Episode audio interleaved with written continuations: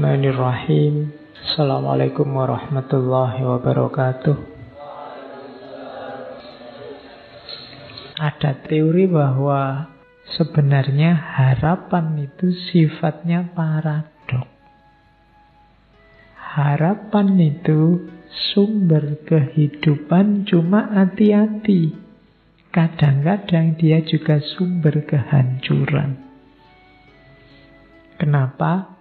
Hanya orang yang berharap yang bisa kecewa. Ya kan? Hanya orang-orang yang berkeinginan yang bisa gagal.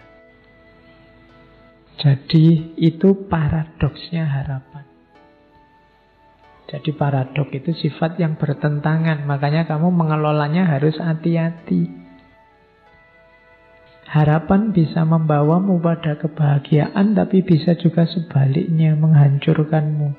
Kalau kamu tidak hati-hati merancang harapan. Jadi jangan sampai senjata yang sakti yang namanya harapan itu berbalik membunuh dirimu sendiri karena kamu tidak pinter mengelolanya. Itulah sifat paradoksnya harapan. Kalau kamu tidak bercita-cita kumlot, tidak kumlot itu kan tidak masalah. Tapi ketika kamu bercita-cita kumlot, tidak kumlot jadi sumber kekecewaanmu. Kalau cita-citamu, harapanmu hanya lulus saja, kumlot tidak kumlot tidak penting. IP berapapun tidak masalah, yang penting lulus. Kenapa? Cita-citamu hanya lulus saja. Tapi kalau cita-citamu IP, cita-citamu kumlot, lulus saja itu menghancurkanmu. Kalau kamu tidak bercita-cita punya pasangan, bok jomblo sampai umur 40 tidak masalah. Tapi kalau orientasi hidupmu pasangan, pacar, dan yang sejenis itu, bok sekarang kamu jomblo juga gelisah, susah, sumpek. Kenapa? Karena kamu target di situ. Kamu berharap di situ. Ah, itu paradok harapan namanya. Dia bisa menghidupkanmu, tapi dia juga bisa membunuhmu. Kalau kamu tidak hati-hati. Maka aturlah harapan-harapan hidupmu secara masuk akal. Secara cerdas. Rancang harapanmu paling tidak di empat ciri. Yang pertama, harapan berharaplah sesuatu yang dapat kamu capai secara rasional. Jadi secara rasional itu berharap yang masuk akal saja. Kalau kamu sudah semester 14, targetnya sudah nggak usah mikir kumulat-kumulot, sing penting lulus. Itu yang rasional. Nah, ya. Kalau enggak, nanti hancur hidupmu. Jadi berharaplah yang rasional-rasional saja, yang terjangkau. Yang kedua, yang dapat kamu kontrol. Pancanglah harapan-harapan yang bisa kamu kendalikan, kamu tempuh. Misalnya kamu sadar bahwa suaraku itu jelek kok pak. Tapi saya cita-citanya penyanyi. Nah, itu kan agak agak berat perjuanganmu kalau sampai ke sana. Jadi salah kamu mungkin milih harapannya. Kalau pencipta lagu tidak apa-apa, kalau penyanyi susah karena hubungannya sama suara. Nah itu harapan yang tidak bisa kamu kontrol itu agak susah. Jadi yang bisa kamu kontrol Jangan berharap yang tidak bisa kamu kontrol karena kalau tidak harapan akan membunuhmu. Terus berharaplah yang menurutmu penting. Kalau ini ya benar bunuh diri. Kalau kamu tidak penting kok kamu harapkan. Ya, wong kamu tidak minat kok kamu masuk ke situ. Nah, itu agak bunuh diri. Jadi berharaplah hal-hal yang penting-penting saja yang cocok sama passionmu. Jangan berharap yang bukan dirimu. Karena kamu akan kesulitan mewujudkannya dan akibatnya kamu kecewa. Yang penting menurutmu apa? Bukan yang penting menurut orang lain. Karena kalau tidak nanti kamu kesulitan mewujudkannya. Setiap orang punya gaya dan model sendiri-sendiri. Yang keempat, ini juga penting. Kalau tadi kan penting menurutmu. Berharaplah sesuatu yang bisa diterima oleh masyarakatmu dan cocok dengan nilai-nilai yang ada di tengah masyarakat, nilai-nilai moralnya.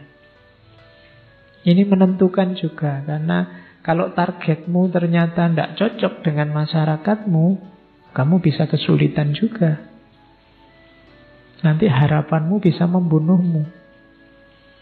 Ya macam-macam tidak cocok itu.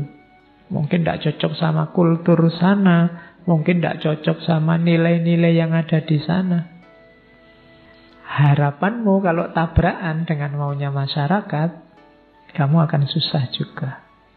Hasilnya kesengsaraan juga. Maka rancanglah harapanmu di empat ciri ini. Rasional, bisa kamu kontrol. Yang penting-penting yang penting-penting ini juga menurut saya harus digarisbawahi. Tidak harus segala hal kamu patok harapan. Yang tidak penting-penting tidak masalah. Ada kan hal-hal kecil yang tidak tercapai juga tidak masalah, tidak apa-apa. Wong itu tidak penting meskipun kamu berharap. Kayak kamu main game HP itu kan asik. Kita kayak kamu berharap menang, tapi kok yo kalah terus ya tidak apa-apa. Wong cuma game aja loh. Kenapa tidak penting? Kamu tidak harus sedih, nggak harus marah, nggak harus nendang-nendang pintu karena kalah game. Oh, apa-apa, wong cuma permainan. Itu namanya kamu ngerti prioritas. Jadi berharap patoklah yang kamu anggap penting-penting saja. Dan yang terakhir, hati-hati dengan norma-norma dan nilai-nilai di tengah masyarakat. Karena masyarakat itu juga harus jadi pertimbanganmu. Mereka punya logika sendiri, mereka punya standar sendiri.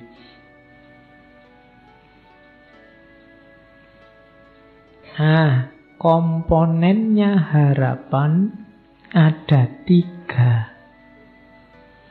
Harapan itu butuh yang pertama goals, tujuan. Yang kedua pathway, jalannya. Yang ketiga agensi orangnya. Jadi komponennya harapan itu tujuannya apa, jalan untuk sampai ke sana apa, orangnya siapa yang berharap. Jadi orang yang berharap jalan menuju harapan dan targetnya harapan itu.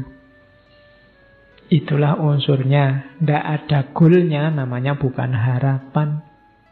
Kalau tidak ada jalannya bukan harapan tapi lamunan. Taman nih kalau dalam bahasa agama angan-angan. Seandainya ya tiba-tiba ada uang searung jatuh di depanku. Nah, itu namanya bukan harapan. Tapi lamunan, angan-angan.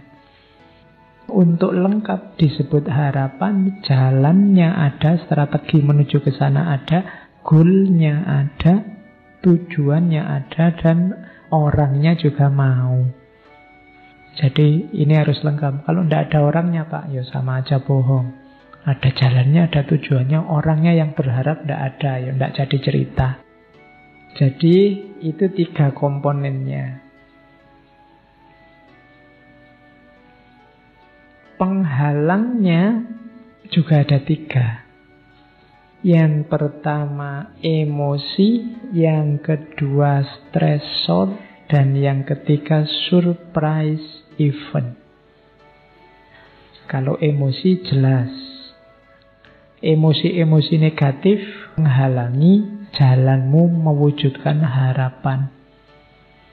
Jadi kamu terburu-buru atau kamu males atau kamu ngamuan atau kamu merasa minder atau kamu terlalu pede itu kan emosi-emosi itu sering jadi penghalangnya harapan cita-citamu segera dapat pasangan tapi kok ya mentalmu minder kalau tidak ada orang aja kamu postingnya teriak-teriaknya selalu tentang perempuan, pasangan. Tapi begitu ketemu grogi.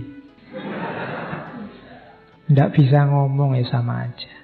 emosi ternyata penghalangmu. Yang kedua stresor. Kalau stresor ini stresor ini nanti berpengaruh ke emosi, tapi stresor itu sesuatu yang menghalangi. Yang menekanmu sehingga tidak bisa mewujudkan harapan. Kayak kamu pengen cepat lulus tapi kok ya kamu kerja. Kerja ini kan jadi stresor namanya, membuatmu stres. Pingin jadi orang soleh, tapi kok ya susah yang ngaji itu ya. Misalnya, itu kan ngaji jadi stresornya. Jadi penghalang harapan itu emosi, stresor, dan yang ketiga surprise event. Kalau satu dan dua mungkin kamu bisa ngatur, tapi yang ketiga ini susah. Surprise event itu hidup ini kan serba tidak terduga. Kamu ingin IP-mu sempurna tiap semester 4, 4, 4 terus. Tapi kok yang dilalah semester ini kamu bareng sama sakit misalnya. Nah itu surprise event. Itu juga menghalangi harapan. Banyak peristiwa-peristiwa yang tidak terduga. Ya nanti kalau kamu nulis surat izin ke dosenmu itu Mohon maaf saya tidak bisa masuk hari ini pak Karena ada surprise event Jadi ada peristiwa tak terduga yang membuat saya tidak bisa masuk kelas. Karena hidup itu kan tidak semulus rencana kita. Kita maunya ke sana ada surprise event. Kamu nembak dia malah yang kena temennya misalnya. Itu kan surprise event. Jadi itu penghalang harapan. Oke, ya sama kan saya sering mengilustrasikan kamu waktu kecil dulu waktu ditanya Cita-citanya apa? Jadi dokter, jadi pilot, jadi guru gitu kan. Lurus, tapi kan peristiwa macam-macam. Banyak surprise event, sekarang kamu tidak bisa jawab lagi kamu ingin jadi apa. Masa tetap ingin jadi dokter, wong yo kuliah di Usuluddin misalnya. Kan tidak bisa, kenapa? Peristiwanya sudah ganti. Yo, masa Usuluddin dokter, dukun mungkin bisa. Oke.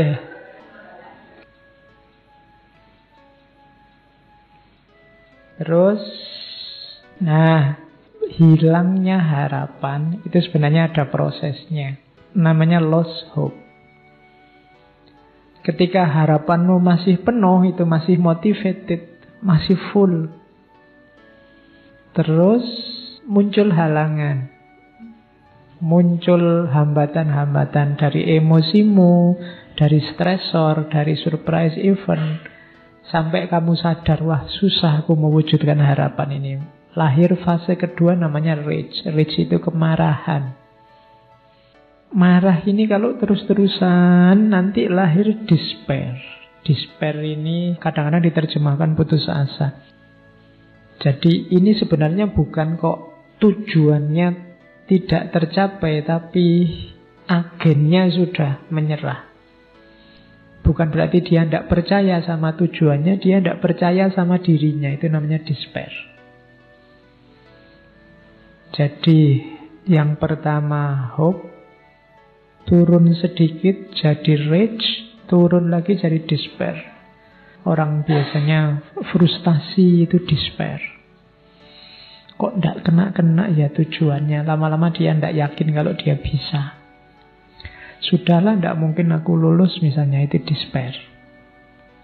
Nah, despair itu bisa nyampe lebih bawah namanya apati. Kalau apati itu tujuannya juga sudah hilang dan dia tidak yakin tujuan itu tujuan yang bisa dicapai. Itu namanya apati. Tidak mungkin lah Pak, saya bisa jadi orang soleh, jadi orang alim, wong saya koyong ini misalnya. Itu sudah apatis. Tapi kalau despair itu saya ingin sebenarnya Pak jadi orang soleh, tapi ya apa mungkin saya bisa? Itu despair.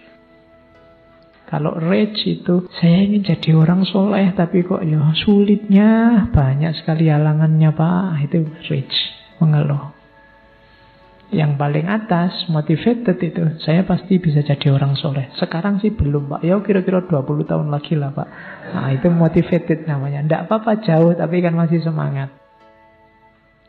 Nah, jadi itu proses dari berharap sampai apatis, sampai putus asa. Kalau di agama kan bahkan sampai level despair aja jangan. Putus asa saja jangan. Putus asa itu kan kamu tidak percaya bahwa dirimu bisa mencapai tujuan itu. Kalau apatis dia sudah skeptis sama tujuannya apa ya mungkin tujuan semacam itu itu sudah apatis. Jadi agama bahkan yang nomor tiga itu saja sudah jangan. Oke, terus kalau ini membangun harapan atau membangun kembali harapan. Tadi kan punya cita-cita kok terus gagal, despair. Nah, kalau ini dibangun lagi yuk biar kamu tetap bisa berharap. Yang pertama apa? Goal setting.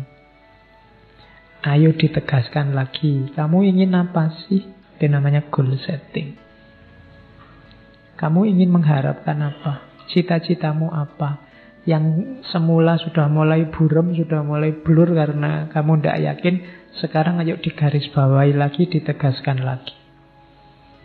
Setelah itu, identify viable pathways. Kira-kira, ayo diidentifikasi, kamu bisa nyampe tujuan itu lewat jalan apa? Diidentifikasi dulu jalannya. Terus biar semangat creating future memories of success.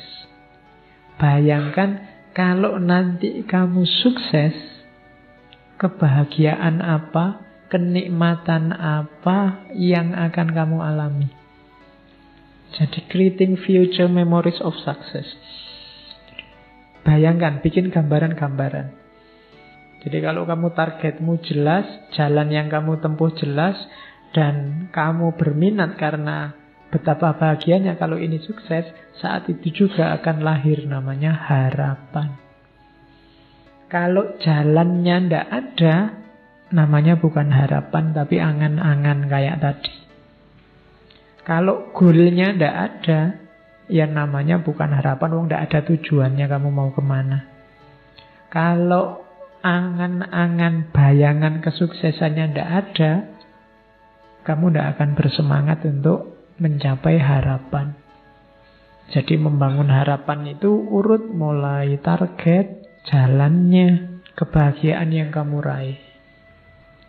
Harapanku apa saja. Tidak usah banyak-banyak. Biasanya kalau lagi semangat nulis harapannya. Tahun ini target saya 20 pak. Itu terlalu banyak. Dua, tiga, empat, lima yang agak besar-besar, yang penting-penting saja ditulis. Nggak usah yang tidak penting, tidak penting. Target yang penting-penting, daftarin, tidak usah terlalu banyak. Plus jalannya. Yang berat mungkin kamu harus merancang jalannya. Untuk bisa ke sana, Pak, saya harus menyisihkan waktu. Saya harus menyisihkan uang. Saya harus tiap malam melakukan ini, tiap pagi melakukan ini. Itu jalan namanya. Sambil kamu hidupkan terus bayangan-bayangan kesuksesannya. Nah itu awal dari hidup yang penuh harapan. Nah, ini strategi-strategi untuk membangun kembali diri dan jalan tentang harapan.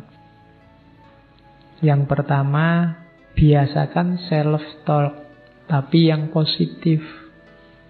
Ngomong sama diri sendiri, yang positif-positif. Jangan sering dimarahi. Banyak orang suka marahi dirinya sendiri. Kalau gagal kan kamu selalu memarahi dirimu. Ada yang tidak cocok kamu marahi. Saya kecewa pak dengan diri saya. Harusnya saya itu rajin tahajud. Terus sekarang kok begini saya. Sekarang kok males ngaji aku pak. Jadi kamu marahi terus dirimu lebih enak lakukan self-talk yang positif. Wah, sekarang saya lebih merdeka, lebih bebas, Pak. Tidak kayak dulu. Maka sekarang saya harus milih yang baik-baik. Nah, itu self-talk. Saya pasti bisa kok, Pak. Saya mampu pasti. Nah, itu self-talk. Kayak kalau kamu nonton TV acara Benteng Takeshi itu loh. Gitu kan kalau mau loncat orangnya, aku pasti bisa gitu. Ya, Aku mampu, terus lari-lari kecemplung, tidak apa-apa. Tapi kan sudah sudah positif mentalnya sejak awal. Jadi lakukan self talk yang baik. Misalnya kamu mau ujian masuk ruang kelas itu, aku pasti bisa, aku pasti bisa. Begitu baca soalnya langsung lemes. Oke. Terus. Nah, refleksi tentang kesulitan. Kira-kira yang menghambatku apa? Terus memikirkan target tadi sebagai tantangan. Jadi kamu punya harapan kan, jadikan harapan itu tantangan. Orang itu kan kalau ditantang biasanya lebih gairah, lebih ganas. Jadi jadikan harapanmu adalah tantangan dalam hidupmu. Terus pikirkan kembali kesuksesan masa lampau. Bayangkan dulu kamu sukses kan senang. Besok ketika kamu sukses pasti senang bahkan double. Dulu kamu lulus SMA senengnya seperti apa sampai kamu nyoret-nyoret baju. Kamu lulus S1 lebih seneng dari itu pasti. Besok lulus S2 lebih senengnya lebih tinggi lagi apalagi S3. Nah itu kan membayangkan kesenangan ini akan memotivasimu. Terus coba dengarkan cerita, baca cerita tentang orang-orang sukses. Berteman dengan orang-orang yang bisa share tentang tujuanmu tadi. Itu akan membantu. Cari role model yang bisa ditiru. Kalau cita-citamu jadi dokter, ya cari dokter yang bisa kamu tiru. Jadi yang bisa diimitasi. Terus, kalau ini di luar itu tapi penting makan, olahraga, istirahat. Karena kamu butuh tenaga. Kalau ini tidak usah dipikir, dijalani saja pendukung utamanya itu kurang istirahat sangat berpengaruh apalagi kurang makan. Olahraga maksudnya arahnya ke kesehatan tiga hal itu jaga kesehatan. Yang selanjutnya menurut saya perlu dilatih tertawa pada diri sendiri. Terutama pada saat kamu stuck. Stuck itu macet. Ketawakanlah betapa lucunya dirimu. Jadi tadi kan saya bilang banyak orang memarahi dirinya sendiri, mending kamu tertawai dirimu sendiri. Ya meskipun tidak harus sambil ngakak-ngakak, ngikik-ngikik, nggak ada apa-apa ketawa sendiri. Kok ketawa sendiri? Aku menertawai diriku sendiri, tidak begitu. Jadi maksudnya jangan serem-serem sama dirimu sendiri. Sebelum kamu senyum keluar, senyumlah ke dalam yang ramah sama dirimu sendiri. Kamu sama dirimu sendiri nggak bisa ramah, susah kamu ramah ke orang lain. Jadi latihan tersenyum sama dirinya sendiri. Cepet-cepet kembali ke hitoh, kembali ke orientasi kalau stuck. Kadang-kadang orang itu kan banyak peristiwa yang membuat kita nyeleweng dari jalur ya cepet-cepet kembali. Tidak apa-apa kamu memberi hadiah pada dirimu sendiri untuk sub-sub tujuan. Misalnya, saya ingin besok kumlot. Semester ini bisa IP 4. Wah, ini syukuran ini. Ngasih hadiah. Kalau kemarin di angkringan cuma satu bungkus, sekarang tak kasih hadiah dua bungkus. Nah, itu namanya ngasih hadiah diri sendiri. Oke, tidak apa-apa, sering-sering main gitu. Ngasih reward and punishment dirinya sendiri. Terus mendidik diri untuk keterampilan-keterampilan yang dibutuhkan itu pasti. Ini tips-tips untuk menghidupkan agensi, menghidupkan dirimu dan jalanmu menuju cita-cita. Terus yang mempengaruhi harapan itu jelas dukungan sosial, religiositas, kontrol. Kalau masyarakat sekeliling mendukung harapanmu, cita-citamu lebih mudah orang tua, saudara, guru, dosen itu bisa mendukung, bisa kamu manfaatkan untuk mewujudkan harapan. Yang kedua, religiusitas. Ini juga bisa mempengaruhi, bisa mendukung. Kepercayaanmu pada Tuhan, itu kan mendukung. Mungkin kamu agak merasa kurang mampu, tapi dengan Allah, Allah bisa menolong. Ada Tuhan yang bisa membantu. Itu kan bisa mempengaruhi harapan. Kalau orang yang tidak kenal Tuhan atau tidak percaya Tuhan, apa-apa kan disandarkan dirinya. Sementara manusianya terbatas. Banyak kekurangan. Nah itu lebih susah. Tapi karena kita punya Tuhan lebih mudah. Kemudian kontrol, kemampuan kita mengontrol harapan. Itu juga mempengaruhi harapan kita. Ada batasnya harapan itu ya. Kamu sadari apa tidak? Harapanmu dibatasi oleh pengetahuanmu, pengalamanmu, lingkungan hidupmu, dan kemampuanmu. Itu pasti. Kenapa kamu mengharapkan itu? Ya karena itu yang kamu tahu, itu yang kamu bisa, itu yang pernah kamu alami. Kamu sadari atau tidak? Itulah batasnya harapan sebenarnya. Yang kedua, batasnya harapan itu usahamu. Maksudnya usaha itu apa? Setinggi apa pun harapanmu, sejauh apa pun harapanmu, kuncinya tidak pada yang tinggi atau yang jauh itu, tapi pada usahamu. Jadi harapan itu penting, baik, tapi kuncinya ada di usahanya. Yang ketiga, kepercayaanmu pada dirimu sendiri, pada masyarakatmu, pada Tuhan. Itulah batas harapanmu. Jadi kalau ada yang tanya, apa Pak batasnya harapan itu ya pengetahuan, pengalaman, lingkungan, kemampuan, usaha, dan kepercayaan. Inilah yang membatasi yang jadi pagernya harapan kita. Terus doa. Kita masuk sebentar ke agama ya. Apa perannya doa? Pak, saya kan bisa berharap macam-macam, nanti ditambahi doa kan beres. Enggak, doa itu pendukung, penguat usaha itu yang mewujudkan. Kenapa harus ditambahi doa? Ini sebenarnya kajian psikologi agama. Karena manusia itu punya ciri terbatas. Kemampuan pengetahuannya terbatas, kemampuan pengalamannya terbatas, kemampuan dirinya terbatas. Yang kedua, manusia itu labil. Kita ini sering labil, berubah-ubah terus. Orang mau apa, mau maunya kamu ke sana. Kemarin kamu cita-citamu jadi guru, dosen. Eh, sekarang IT-nya canggih, oh saya ingin jadi YouTuber, Pak, sekarang, Pak. Terus IT-nya, itu kan labil, berubah-ubah terus. Itu manusia. Jadi dia terbatas, lemah, labil kemudian langka-langka itu dia berhadapan dengan kematian. Dia tidak ada terus. Dan ini hubungannya nanti sama Tuhan. Makanya orang perlu berdoa.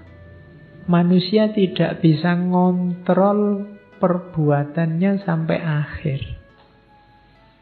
Jadi Doa itu adanya di situ. Ternyata kita tidak kuasa 100% atas usaha kita. Maka kita perlu berdoa, minta pada yang maha kuasa. Gunanya dua, selain minta mengabulkan keinginan kita, juga sebagai sandaran atas kelemahan kita. Tadi di depan ada teori bahwa harapan itu paradok. Tapi kalau ditambah doa, paradoknya bisa hilang. Kenapa? Kalau harapan tidak terpenuhi, bagi yang punya Tuhan gampang. Tuhan belum mengizinkan. Kamu bisa bersandar ke sana. Kita menginginkan, tapi kalau Allah punya keinginan yang berbeda, yang terwujud pasti keinginannya Allah juga. Kalau yang beragama punya sandaran. Jadi bisa mengatasi tadi paradok harapan. Jadi harapan hubungannya sama usaha plus doa. Makanya Allah itu sangat sayang pada kita, bahkan untuk berdoa pun kita dikasih momen minimal sehari lima kali, dan boleh kamu tambah sebanyak apa pun kamu mau. Bahkan Allah yang merentahmu untuk berdoa kan harusnya kamu yang berinisiatif berdoa, tapi untuk uni astajib lakum. Berdoalah pasti tak jawab. Nah itu kan yang maha kuasa yang mengundangmu untuk berdoa. Karena Allah ngerti benar situasi konkret kehidupan kita. Yang tanpa dia kita tidak ada apa-apanya. Oke, saya kira itu materi ngaji malam hari ini. Kurang lebihnya mohon maaf. Wallahul muwafiq. Wallahu a'lam Wassalamualaikum warahmatullahi wabarakatuh.